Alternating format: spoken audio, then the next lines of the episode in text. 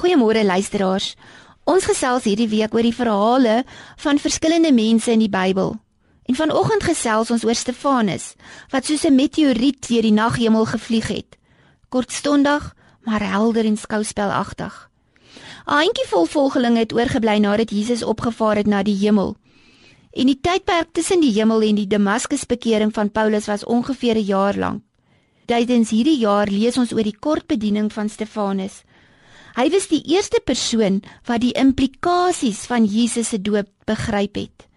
Dat die priesters se offers in die tempel en die nougesette navolging van die wet nou onnodig is. In 'n poging om Stefanus se bediening te stop, vind die grootste verhoor van die jaar 34 na Christus in Jerusalem plaas. Stefanus se wakker oë dwaal oor die gehoor in die hofsaal. Nadat ander oor sy leringe getuig het, word hy geroep na die getuiebank. Sy lewendige diep stem klink ekstra helder vir dag en hy sê: Baie van ons het gewag vir 'n prins wat triomfantelik met 'n swaard omhoog en bloedspatsels op sy klere Jerusalem binne gery sou kom. Maar Jesus het met sandale en 'n Galileese aksent uit 'n timmerman winkeltjie gestap met sy enigste doelwit die kruis. Die vreeslose antwoord van Paulus ontkant. Hy stap dreigend vorentoe, maar Stefanus word nie daardeur geïntimideer nie. Vlak by hom skree Paulus in sy oor: "Ons het genoeg van jou lasterlike woorde gehad." Toe slaan hy Stefanus met die vuis teen die neus. Bloed stroom uit sy neus uit. Paulus se volgende hou slaan sy oogbank stukkend. "Ek versoek dat hy gestenig word." Sy woorde word staande toe gejuig. Buite waar die straf voltrek word, reën die klippe op Stefanus neer.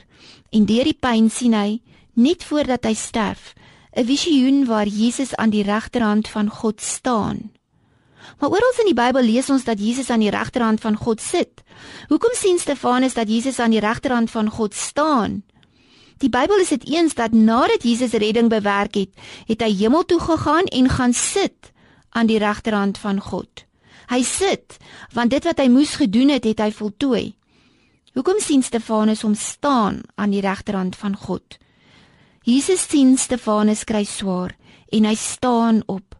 Die pyn is te veel vir Stefanus en Jesus kan nie net sit en kyk nie. Sy kind het pyn en hy staan op om hom te help. Hy staan altyd op wanneer sy kinders probleme of pyn het.